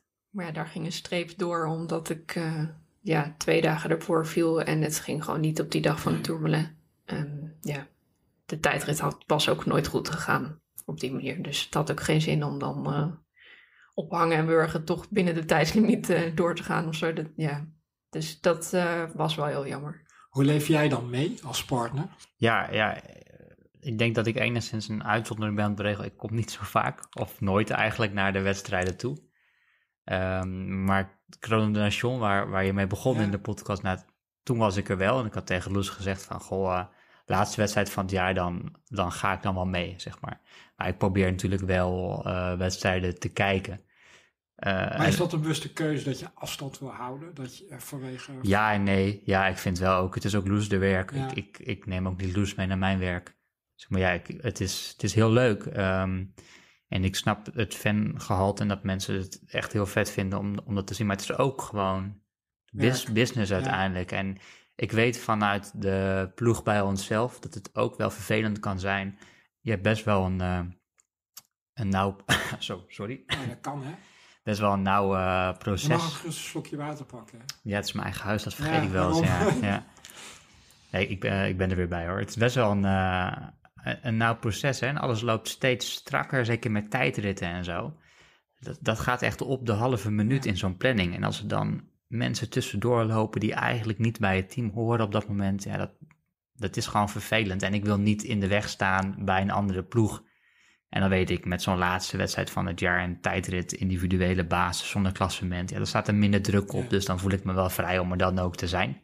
En in de auto, communicatie. Ja, toen heb ik inderdaad, eh, toen was ik Oh ja, ploegleider ja. voor Loes. Ja. eh, want ja, dat was, was wel een leuke ervaring om te doen. En dan ga je samen op uh, Veloviewer heel het parcours uitzoeken, ja. pacingplan. En ja, daar ben ik natuurlijk zelf wel mee bekend, zeg maar, ook met en in een auto zitten en, en zien hoe dat gaat. Uh, en zelf als renner. En je weet wat Loes uiteindelijk wil, wil horen en waar zij kan presteren. Maar de rest van zo'n seizoen, ja, ik, ik uh, probeer wel vaak bijvoorbeeld finales uh, ja, met de Eurosport Player of zo terug te kijken dan. En soms dan, ja, dan vraag je me ook wel eens van, goh, kan je eens kijken of dan, dan geef ik input bijvoorbeeld. Uh, één ding daar komt sta je ook altijd voor open. Ja, nee. Ja. Niet altijd, want soms, soms vraag ik inderdaad naar, maar het komt ook wel vaak uit jezelf. En dan heb ik vaak achteraf dat ik er wel wat uithaal, maar op het moment zelf denk ik wel eens van ja, houd toch even op. Ja, het is natuurlijk niet, niet leuk, zeg maar dan, maar dan, uh, ik denk één voorbeeld dat eigenlijk altijd terugkomt, is, ik denk dat, dat als, er, als we de afbeeldingen doorzoeken, dan kan je denk ik een stuk of 50 screenshots vinden van jezelf in de wind vooraan naast het peloton fietsend. En dan heb je de paceline, zeg Ja. maar, in alle ploegen en dan, dan, dan rijdt er iemand vol in de wind... Uh, en dan vraagt ze zich wel eens af aan het eind, zegt van, goh, ik snap het echt niet, Wit. En ik, uh, die laatste klim, uh, ja, werd ik toch net afgereden bij het eerste groepje. Dan Ja. kwam ik net uh, twee seconden tekort. Dan zeg ik, ja, misschien zit dat hem in dat uur daarvoor, waarin je gewoon Positioneren. 50 watt meer, meer verspeelt dan de rest, zeg maar. Dus daar zit nog wel winst. Maar het is ook wel je rol in de ploeg natuurlijk, om je te verdedigen bij deze. Je bent ook wel heel erg vaak de, degene Ja, de geweest die, die moet gidsen uiteindelijk, Ja. Ja. Ik ben heel vaak afgelopen seizoen inderdaad degene geweest die dan gespaard wordt tot het moment naar de klim toe. En dat ik dan dat laatste stukje moet doen van ja, de kopvrouw positioneren voor de klim en eventueel het eerste stukje van de klim nog tempo maken of zo. Ja, dan is het inderdaad ook je rol en is het ook eigenlijk natuurlijk niet de bedoeling dat je op de top je nog erbij principe- zit. Ja, dat zou ook gek zijn. Hè? Je zou natuurlijk gewoon moeten leegrijden daarvoor. Ja, en dat doe ik dan ook wel, maar soms zat de kopvrouw niet in het Er wiel. is nog wel een je- ding trouwens wat je daar zegt er hoor. zit. Dat, dat moeten leegrijden. Ik, ik merk dat komt steeds meer in het, eh, in het damespeloton. Maar de, de individuele uitslag is daar voor meer renners nog belangrijk dan bij de mannenprof, zie ik zelf terug. En dan, dan zie je inderdaad dat, dat leegrijden betekent dan voor sommige eh, atleten op dat moment, ja, rijden tot op het punt dat je nog in het laatste wiel net weer kan aanhaken. Maar niet rijden tot het punt dat je gewoon Parkeert. je linker Ja. tot je, niet meer Ja. je linkerbeen voor je rechterbeen Ja. krijgt. Ja, zeg want maar. ik, als ik als opdracht krijg me leeg rijden tot een punt, dan rijd ik me ook leeg tot een punt. Ja. Maar dan word ik dus inderdaad wel eens ingehaald door iemand die zich daarvoor leeg moest rijden. Ja. Ik dacht van, Dat klopt. wat doe jij hier? Ja. Je had je leeg moeten Ja. rijden. Er zijn natuurlijk ook weer meerdere factoren daarvoor. Sommige ploegleiders willen juist van hun renners dat ze, die worden afgerekend. En daar hebben ook wel commentatoren en zo ook wel een rol in. Ik hoor best wel vaak bij, eh, bij dameswielrennen, als je dat kijkt, dan zeggen ze, oh, eh, ehm, eh, Amber Kraak, of ik noem even gewoon een willekeurig iemand, eh, valt toch tegen, wordt hier veertigste. Maar die heeft dan misschien Rianne Marcus eh, helemaal vooraan afgezet. Dat zou je ook niet uit dat oogpunt Ja, moeten of op het bekijken. moment zelf op de klim. Oh ja, ze moet hier toch passen. Ja, heb je wel gekeken Ja. wat ze hiervoor heeft gedaan? Ze heeft vijf kilometer op kop gereden. Weet je, dat, dat soort dingen inderdaad zit nog wel eens... Dat vraagt inderdaad ook verantwoordelijkheid nemen door eh, commentatoren. Ja, ik heb nog nooit iemand gehoord die dan zegt. eh, ehm, Steven Kruiswijk, eh, toch wel teleurstellend dat hij eh, als eh, vierde man in de trein er nu afgaat. eh, en het is nog vijf kilometer of zo bijvoorbeeld. Er wordt niet naar zijn klassement gekeken dan, nee. Misschien komt het natuurlijk ook gewoon dat dat ook de voorsprong is nog steeds van, van het mannenwielrennen. hè. De hoeveelheid aandacht. Ja, en bij vrouwenwielrennen krijgen nu tenminste gewoon een eh, normaal loon bij Ja. de World Tour. Maar daaronder hangt het natuurlijk heel veel ook af van de uitslagen. Ja. Want je wordt niet betaald, dus waarom zou je ook Ja. werken? Ja. Je, je rijdt voor jezelf, Nee, want je krijgt hebben- niet betaald. je Steven Kruiswijk salarissen, dat hebben de meesten niet. Nee, en dan is het ook heel logisch wel dat je eigen uitslagen wil rijden. Ja. Want waarom zou je voor iemand anders je leeg rijden als je er geen geld voor krijgt? Ja, behalve als die rol wordt gewaardeerd uiteindelijk, Ja. als een team dat ziet. Exact. Ja. Ja. Wat was je mooiste dag in het afgelopen seizoen op de fiets? Ja, die overwinning was heel mooi. Maar ik heb ook wel een paar hele mooie trainingsritten gemaakt waar ik echt wel heb genoten van het fietsen gewoon. En misschien staat dat nog wel hoger als ik een dag op de fiets moet zeggen. Gewoon het echt, het, dan- het ontspannen, de omgeving in je opnemen. Kom ik in de Jura uit, eigenlijk Ja. gewoon een lange dag met mooie klimmen, rustige wegen. Dat, daar kan ik wel echt van Het genieten. Franse of het Zwitserse? Beide, een beetje op de grens. Ja, Ja. bij Genève daar. Ja. En, en voor jou, Wiet? Ja, ik was aan het denken, nou, ik geniet zo van heel veel dagen op de fiets, maar uh, ik denk misschien wel een keer, eigenlijk niet eens een wedstrijd of zo, maar gewoon een uh, vanuit huis, uh, mooi weer, vroeg vertrekken en dan gewoon een hele lange gravelrit bijvoorbeeld. Ja. En het liefste of eentje waar je zowel kroondomein als de postbank als als de achterhoek zeg maar een keer meepakt, uh, zo'n dag waar je ook al van tevoren kijk van, oh dan ga ik, dan ga ik lang fietsen, dan heb ik de tijd. En het weer is goed, het is 25 ja. graden, de zon schijnt, ja. Dat lijkt nu heel ver weg. Het is ook ja. ver weg, maar dan komt er weer de terug. De grens van 2024. Met dat bruggetje, nu is 2024. Je zei al, in 2023 uh, was een van de uitdagingen erachter komen, die basis te verbreden, maar ook achter te komen van, hé, hey, waar liggen je krachten? Zeker binnen een omgeving van, uh, van, van een profblog. Heb je al een plan voor 2024? Um, ja, zeker. Tot en met mei heb ik ook al wel redelijk de wedstrijden duidelijk die ik ga rijden. En het plan is eigenlijk uh, in de eendagswedstrijden een mix van ondersteunen en eigen kansen. En waar ik vorig jaar toch wel vooral de ondersteunende rol had. En dan in de kleinere klassementswedstrijden soms eens een, uh, of kleinere etappekoersen, soms eens een eigen klassement rijden. Zoals uh, wat nu op de planning staat is UAE en Baskeland bijvoorbeeld ja. daarvoor. UAE is natuurlijk al vrij rap. Ja, dat is uh, begin februari. En ja, dat is uh, drie dagen waaiers en één dag echt langbergop. Niet per se helemaal binnen wat mij supergoed ligt. Maar het is wel gewoon een leuke kans om, om eens te kijken wat ik kan. En er ligt ook totaal geen druk op. Het is gewoon van nou, ga maar gewoon kijken wat je, wat je hier kan doen. Want in principe moet ik me in die vlakke etappes gewoon goed kunnen handhaven. Ja. Waar sommige echte klimmers misschien juist wel tijd verliezen. Dus ja, het is hopen dat, het, dat die tijd verliezen. En uh, dat ik met een, uh, in een goede positie de laatste dag in kan. En is het gewoon kijken waar ik eindig op die lange klim. En Baskeland heb ik vorig jaar al gereden. En ja, dat lag mij wel goed. Dat is natuurlijk echt het, uh, het steile klimwerk. Ja, een wat korter klimwerk. Ja. En ja, ik vond dat echt wel een leuk rondje ook. Um, dus daar kijk ik wel echt naar uit om daar gewoon echt te pieken en eens te kijken wat ik zelf kan. Zijn er ook dingen die je zegt, nou ja, met de learnings van dit jaar, dat wil ik volgend jaar anders doen? Ja, wat minder koers en meer toewerken naar doelen. Dat sowieso, maar ja, dat past ook wel binnen het idee van vorig jaar ten opzichte ja. van dit jaar. En ja, zo nu en dan is meer voor mezelf koersen, maar dat, ja, ook dat past wel binnen wat de ploeg wil, bij wat ik zelf wil. Dat zal ook wel gewoon komen. En nu weet ik een beetje welke wedstrijden ik daar ook echt wel voor mooi voor vind. En dat is dan ook wel Brabant Spel, Amstel, dat soort koersen. Gaan we je ook weer zien in het uh, kasseienwerk? Vlaanderen wel. Ja. Maar Roubaix laat ik even links Ja, liggen. ja. En Drenthe ga ik ook niet doen. Nee. Is er, is er ook een lievelingskoers die je hebt? Waarvan je zegt, ja, die staat echt ernaast uw Ja, tour ik heb hem nog nooit gereden, maar Strade lijkt me echt heel mooi. Ja. Die ga ik dit jaar wel rijden. Ah, in maart. Ja, Hoe ga je daarop voorbereiden? Ga jij er nog een rol in spelen met materiaalkennis? En...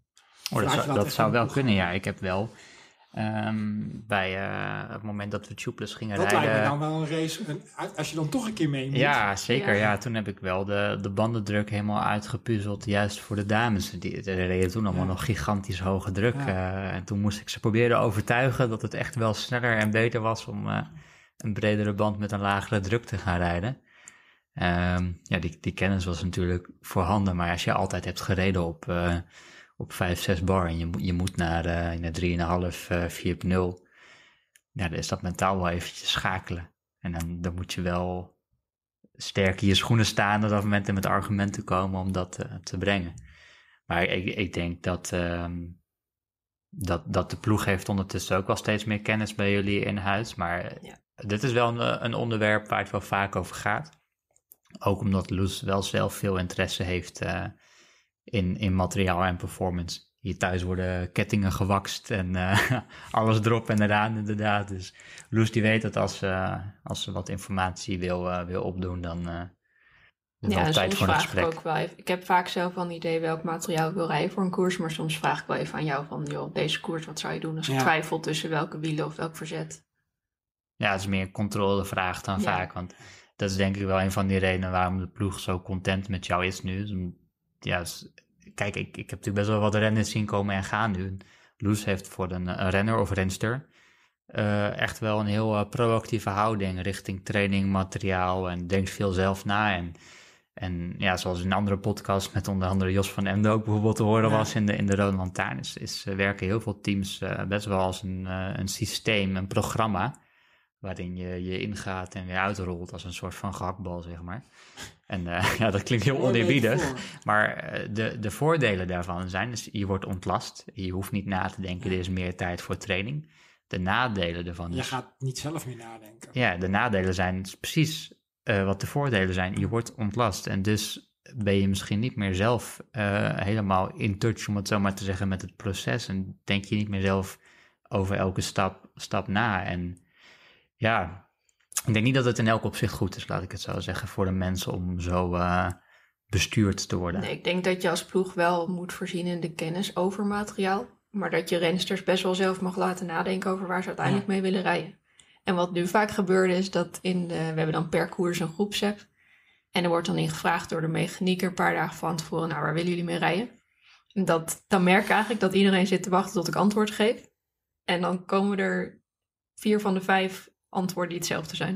Ik denk, oh, dat, dat wil ik dan ook Ja. ook voor het EK in Drenthe was ook, ja, wat willen jullie rijden? Ja, ik wacht wel tot eh Loes antwoordt, want die kent het parcours beter. Ja, en ik zou wel zeggen dat, dat het wel goed is als bijvoorbeeld de ploeg komt met een niet bindend, maar leidend advies. Maar dat je als renner vervolgens Individu. wel zelf individueel daar eh, over kan sparren. En als jij een goed argument hebt waarom jij bijvoorbeeld met een groter buitenblad wil rijden daar, of waarom je een andere bandbreedte jij voor als achter wil. Ja, precies. ja. Ja, ja, want de een rijdt natuurlijk ook een klim bijvoorbeeld echt op de kracht op, en de ander wil op cadans daarop rijden, dan heb je een ander verzet nodig. Ja, of moet het op een andere plek van het parcours Ja, doen. dat ook. Dus ook, het geeft ook jezelf eh, eh, eh, een fijn gevoel. Als je ook daarin eh, zelf nog kan nadenken. Ja. En, Ja, ik denk dat je ook gewoon serieuzer genomen voelt en betrokken voelt bij het Ja, en proces. ik heb bijvoorbeeld bij Cadel Evans, eh, hebben we twee dagen voor de koers nog dingen veranderd. Omdat ik zei van ja, maar... En ik kon het ook echt wel onderbouwen. En toen had die mechanieker ook zoiets van, nou oké, dan gaan we dat doen. Toen zei ik ja, en toen heb ik nog gezegd een dag van tevoren, ja, maar ik zal zorgen dat het het waard is. ja. En wat was het? Ja, de bladwissel en stuurwissel. Zij heeft een stuur, langere stuurpen erop gezet. Omdat ik zei, van, ja, ik weet gewoon zeker dat de trainingsfiets langer is. En ik wil dit echt wisselen. Als je het bij je hebt, dan moet je het wisselen. Ja, oké, ga ik dat wel doen. En ehm, bladwissel, want ik had 52, 36. En ik kwam na de verkenning terug. Ik zei, ja, ik kan die klimmen op buitenblad. Maar ik ben bang als in de wedstrijd iemand voor me rijdt die stilvalt, dat ik dan helemaal stilval. ja. 36 is net te klein, dus ik wil die 40 erop. Toen zag ik de ploegleider al kijken Mhm. op het buitenblad. Nou, dan ben hem hard opgereden, dat belooft wat. ja. Maar oké, ja, dan gaan we dat doen. En je hebt, ja. je hebt eh, de mechaniek niet teleurgesteld. Nee, die kwam ook na de finish naar me toe en zei ik, dat dat klopt wel. Eh, Witte, wanneer is jouw fietsseizoen geslaagd? 2024. Oeh, ehm, En Kai liet zonder contract. ja, dat is wel vaak, maar we weten niet waar het is. Nee. want het is weer, dat is altijd... Eh, is natuurlijk eh, voor de ja, pros. afgelopen jaar was, was gigantisch prettig. Want dan wist je eigenlijk voor het eerst eens een keertje een paar maanden van tevoren op welk terrein het ging zijn en dat het ook die dag ging zijn. Dat is best wel, ja, klinkt gek, maar dat is, eh, dit is geen sneer naar de KNWU of zo, maar het is best wel uniek. Want ja, elite is onder, eigenlijk alles onder de pros. De, ja, geen idee. Je weet niet op wat voor terrein, waar, wanneer, hoe lang, hoe kort. Eh, het kan verplaatst worden twee weken van tevoren. Het kan van een klimkoers naar een kasseikoers gaan Ja. ineens. eh.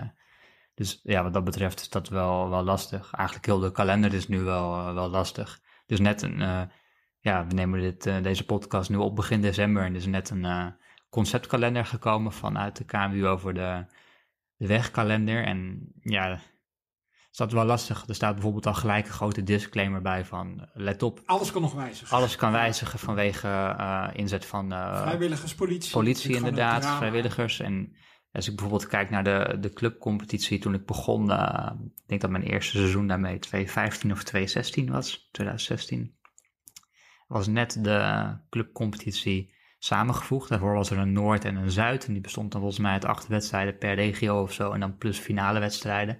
Nou, toen kwam het samen. Het waren dan twaalf wedstrijden of zo. Inmiddels zitten we in een situatie dat als alles doorgaat, heb je er vier. Ja. Ja, de- En er blijft en dat was, één ding weet je zeker, er valt er minimaal één af. Ja. Dan heb je er drie. Je hebt drie wedstrijden.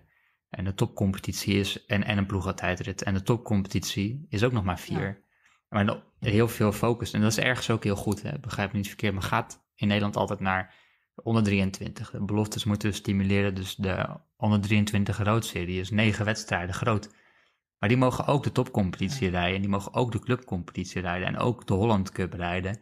Dus eigenlijk is het signaal nu, en bij de dames is het precies hetzelfde, ben je, ben je 22 jaar of ouder, ja, dan betaal je de duurste licentie, maar er is eigenlijk, ja, je weet niet of het doorgaat en er is al zo weinig. Er zijn, eh, ja, vier tot maximaal tien nationale wedstrijden in ploegverband te rijden en criteriums worden ook minder. De goede kant van het verhaal is, is de, dat, dat ik vind wel de, de kwaliteit van de wedstrijden in Nederland wel goed geregeld. En je kan ook altijd nog uitwijken, soms naar, naar België bijvoorbeeld of naar Duitsland. Voor mij is het seizoen denk ik geslaagd als ik, uh, ik zou graag iets willen winnen. Maakt me eigenlijk niet zo uit wat het is. Ja, dat is wel leuk. Hè? Die wedstrijd in het begin, die, die dan blijkbaar op Pro Cycling Stad staat. Ja. Die, uh, dat is, klimkoersjes vind ik wel leuk, zeker klimcriteriums. Ik was ook enorm fan. En daar sta ik volgens mij heel erg alleen in, maar van de Hammer Series. Ja. Dat vond ik echt fantastisch om te zien. Uh, zeker de Hammer Series Climb. Dat is eigenlijk gewoon een criterium Nederlandse stijl op een klim. En je ziet gewoon wat het doet. Het spat compleet uit elkaar. En andere namen komen in één keer bovendrijven ook. Ik vond dat fantastisch. Maar... Ja, eigenlijk ook een beetje het WK in Glasgow. Ja, ja ik heb daar enorm van genoten. Wat, wat een koers. Zowel de, de, vrouwen als de mannen. Ik vond, echt, ik vond echt een vet rondje om te rijden. Ik vond die mixed relay ook echt leuk. Ja, en, maar nog, nog Ja, dat is jammer dat je dan net naast de medailles Ja, het was heel jammer dat Lorena ziek was. Want uh, Sherin, Lorena en ik vonden het alle drie echt een leuk rondje. En we gingen echt lekker over de parcours heen. Het is een beetje alsof je daar niet op mag scoren. Hè? Want daar komt ook stuurvaardigheid bijvoorbeeld boven. En acceleratie en eigenlijk het, zelfdenkend vermogen van de renner. Want communicatie met een ploeg is daar überhaupt niet. Maar als hij er was, kan die vrij weinig doen. En nog een voorbeeld daarvan, van zo'n koers waar iedereen dan schande van spreekt in de Wiedeflits comments en zo. Want was het EK in Alkmaar bijvoorbeeld. Uh, ja, dat kan toch niet, criteriumrondje, dit en dat. Ik, ik weet nog heel goed de beelden dat daar de Italiaanse selectie, die die ging volle bak door het centrum van Alkmaar rijden. Trentin die reed volgens mij uh, ongeveer uh, een millimeter van de hek uh, vandaan in elke bocht waar hij uitkwam. En, en dus de finale die je vervolgens krijgt is, is een kopgroep van twaalf renners of zo met vier topsprinters erbij. En, en het is ook helemaal niet gevaarlijker of zo, want hoeveel valpartijen hebben we nou gezien in Glasgow? Nou ja, bij de junioren en zo in de regen ja, toen wel ja, echt maar veel. toen speelde daar ook echt wel het weer. De weersomstandigheden waren maar wel... Uh, het, het bochtige, zeg maar, dat maakt een koers niet gevaarlijker, volgens mij. Want het gaat gewoon op een lint. En... Ja, het was zo'n selectief rondje. Ja. ja. Dat... Juist de massavalpartijen gebeuren op een weg waar je ook echt Precies. als groot peloton kan rijden. Dat kan, kan gewoon niet op zo'n rondje, dus het gebeurt ook niet. Ja, en je wordt gewoon, je weet gewoon dat je compleet afgestraft wordt als je het niet beheerst. Ja. Tot slot, wat gaan jullie doen met kerst? Uh, kerstdiners uh, af. ja, ik probeer altijd, wat ik vroeger altijd deed was fietsen naar de kerstdiners ja. toe. Dat vond ik altijd een hele mooie uitdaging. Nou, Dan zit je ook wat lekkerder aan dat diner. Nou, één keer niet. Ik heb één keer een editie gehad, toen ging ik naar mijn familie in Zeeland. En toen vanuit uh, Dordrecht, dus dat is slordige 100 kilometer. En dat was windkracht 7 tegen. Dus toen kwam ik net voor het diner aan. Maar nu, uh, ja, we gaan als het goed is één keer naar de familie uh, in, uh, in Dordrecht. En dan hier in de buurt. En, ja, dansen en de 26 is een cross. Ja, oh, we gaan zelf crossen. Ah, ja. hier. Regio ja, cross. Ja. GOW. Ja. Mooi. Toch een beetje de, de lokale, lokale races een beetje eren, laten we het zo zeggen. Het is mooi dat die er zijn. Precies, zeker. Ontzettend bedankt. We gaan jullie natuurlijk uh, in de gaten houden, zeker jou Loes. Uh, ik ben heel erg benieuwd of de uitkomst meteen in de woestijn al, of anders in uh, de straden. Dit was Fiets de Podcast, aflevering 60 met Loes Adegeest en Witte Altonissen. Dank voor het luisteren en abonneer je op Fiets de Podcast. Maak ons blij met de review, want zo zijn we makkelijk te vinden voor andere fietsliefhebbers. Vragen of opmerkingen mail je naar podcast.fiets.nl. Tot de volgende Fiets de Podcast en blijf fietsen!